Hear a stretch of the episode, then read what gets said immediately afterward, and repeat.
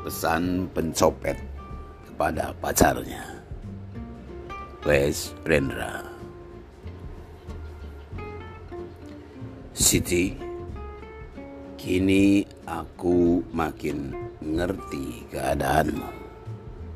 Takkan lagi aku membujukmu untuk nikah padaku dan lari dari lelaki yang miaramu. Nasibmu sudah lumayan. Dari babu, dari selir kepala jawatan, apalagi nikah padaku merusak keberuntungan. Masa depanku terang repot sebagai copet nasibku untung-untungan. Ini bukan ngesah, tapi aku memang bukan bapak yang baik untuk bayi yang lagi kau kandung. Siti, cintamu padaku tak pernah kusangsikan. Tapi cinta cuma nomor dua. Nomor satu carilah keselamatan. Hati kita mesti ikhlas berjuang untuk masa depan anakmu. Janganlah tangguh-tangguh menipu lelakimu. Kuraslah hartanya supaya hidupmu nanti sentosa. Sebagai kepala jawatan lelakimu normal, suka digosok dan suka korupsi. Bila ia ganti kau tipu, itu sudah jamaknya. Maling menipu maling itu biasa. Lagi pula, di masyarakat maling, kehormatan cuma gincu. Yang utama kelicinan, nomor dua keberanian. Nomor tiga keuletan, nomor empat ketegasan biarpun dalam berdusta. Inilah ilmu hidup masyarakat maling. Jadi janganlah ragu-ragu. Rakyat kecil tak bisa ngalah melulu. Usahakan selalu menancak kedudukan Siti. Usahakan kenal satu menteri dan usahakan jadi selirnya.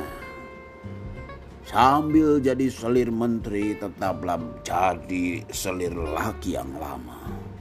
Kalau ia menolak kau rangkap sebagaimana ia telah merangkapmu dengan istrinya. Itu berarti ia tak tahu diri. Lalu depak saja dia.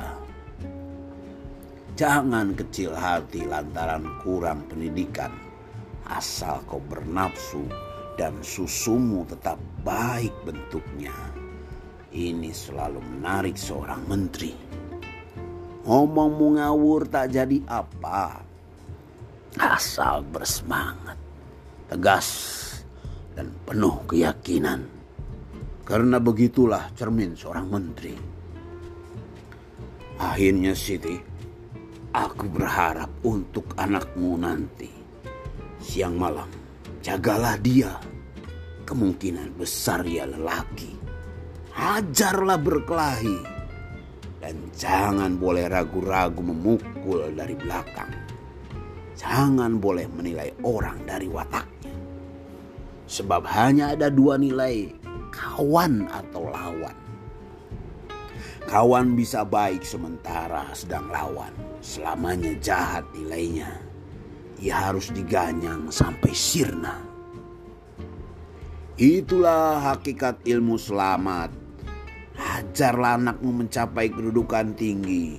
Jangan boleh ya nanti jadi profesor atau guru. Itu celaka. Uangnya tak ada. Kalau bisa, ya nanti jadi polisi atau tentara. Supaya tak usah beli beras. Karena dapat dari negara. Dan dengan pakaian seragam, dinas atau tak dinas, haknya selalu utama bila ia nanti pasti merayu seperti kamu dan watak liciknya seperti saya, nah ini kombinasi sempurna. Artinya ia berbakat masuk politik. Siapa tahu ia bakal jadi anggota parlemen atau bahkan jadi menteri. Paling tidak hidupnya bakal sukses di Jakarta.